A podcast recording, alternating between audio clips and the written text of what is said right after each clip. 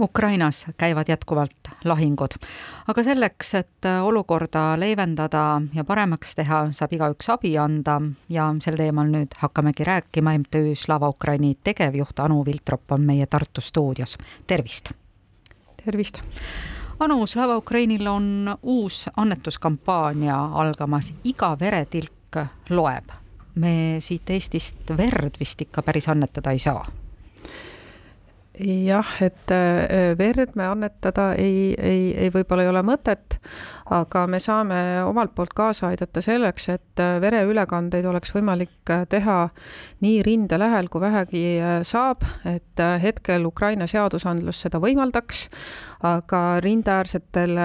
meedikutel on vaja selleks eraldi koolitust, mida meie juba tuttav koostööpartner Pulse suudab täna juba pakkuda aga on vaja ka seadmeid, eraldi seadmeid on vaja selleks, et äh, kvaliteetset äh, koolitust äh, teha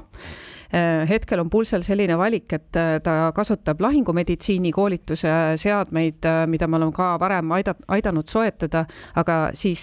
kui need on vereülekande koolituse all kinni, siis jääb lahingumeditsiini koolitus tegemata, mis on täna ebamõistlik. ja samamoodi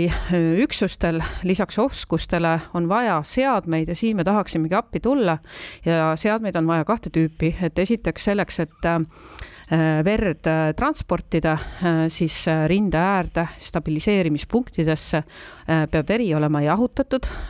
ja enne, kui vereülekannet tegema hakatakse, tuleb veri veel ka ära soetada, et me räägime siis tervest kindlast reast väga spetsiifilistest seadmetest mida on vaja. kui kallid need seadmed umbes on, mida on vaja? Äh, no kui me räägime nüüd äh, näiteks äh, treeningkomplektidest, siis kahe treeningkomplekti soetamine selleks, et koolitusi hästi läbi viia, maksab natukene üle kahekümne tuhande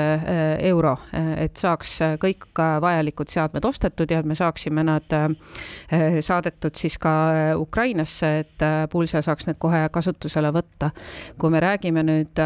sellest, et mida siis täpselt üksusele on vaja, siis siis äh, nende erinevad äh, asjad, seadmed kokku ka maksavad siis äh,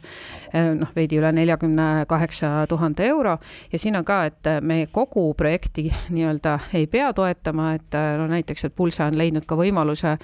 autode soetamiseks, et mei-, meie ülesanne või, või meie saame praegu kaasa aidata siis sellega, et just need vajalikud seadmed üksustele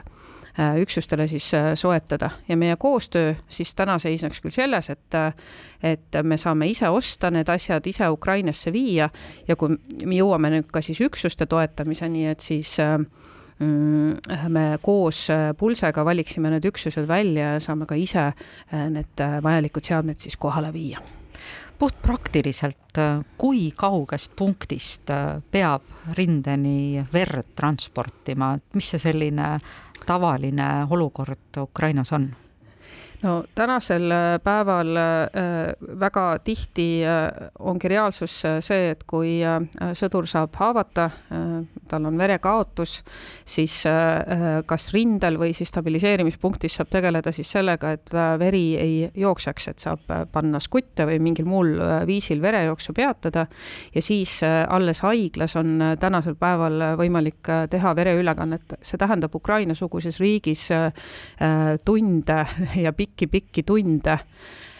kui me räägime nüüd stabiliseerimispunktidest, noh, et siis nad on rinde ääres ikkagi noh, mitte väga kaugel, oleks siis minu äh, vastus, et siis me räägime juba noh, mõnest kümnest kilomeetrist ja, ja see lühendaks tunduvalt siis seda aega, et äh, verekaotusega,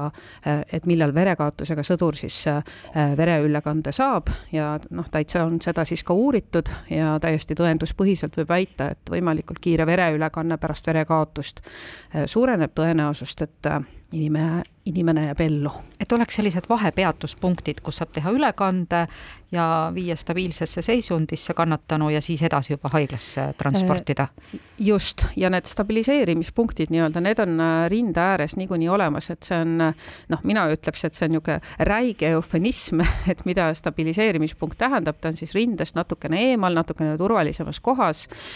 see on siis võib-olla mõni konteiner, see võib olla mõni vaja, kus on siis kõige kõige hädapärasemad siis ikkagi esmaabi andmise vahendid ja seadmed ja kus siis, kus siis meedikud toimetavad. et meie saaksime siis siia heade annetajate toel lisada siis just selle vereülekande tegemiseks vajalikud seadmed lihtsalt juurde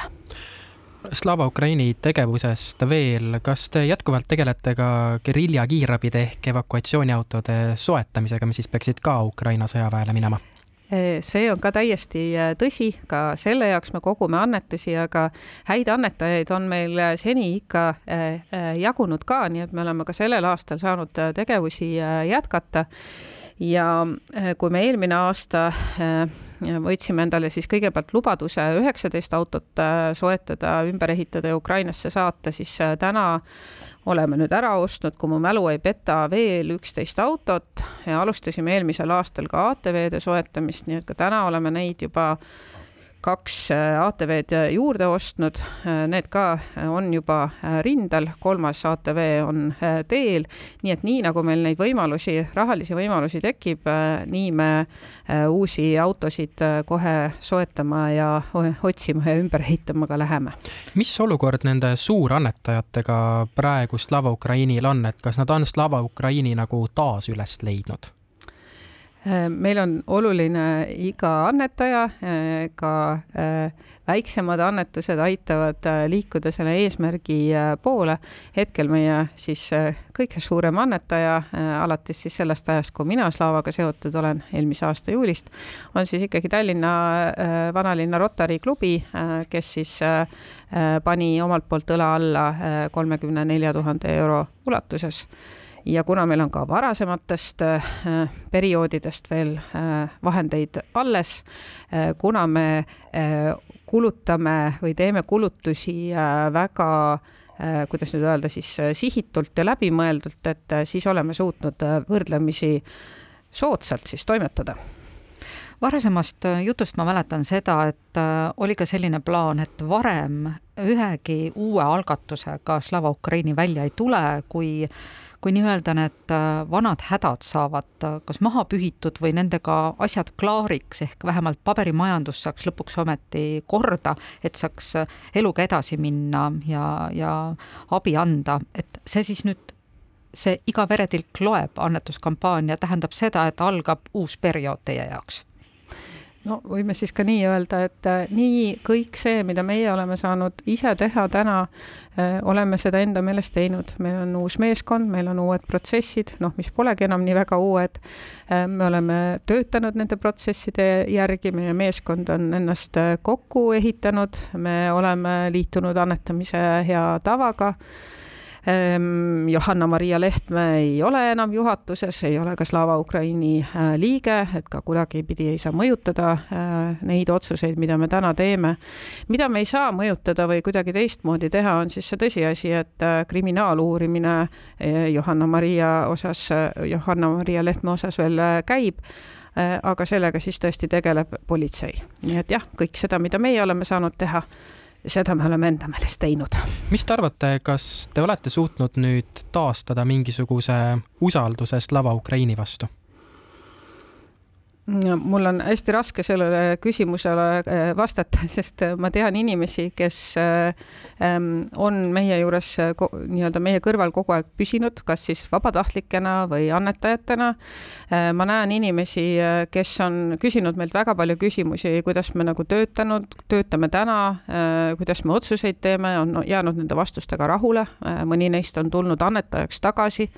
aga kindlasti me ei ole jõudnud täna kõikide inimesteni ja eks see annetuskampaania siis näitab, äh, näitab siis ka, kuhu, kuhu me täpselt jõudnud oleme. Ähm, mina kindlasti soovitan enne annetuse tegemist kas siis Slava Ukrainile või kellelegi teisele, siis äh, vaadata täpselt järele, mille jaoks seda raha kulutatakse, vaadake järele ka,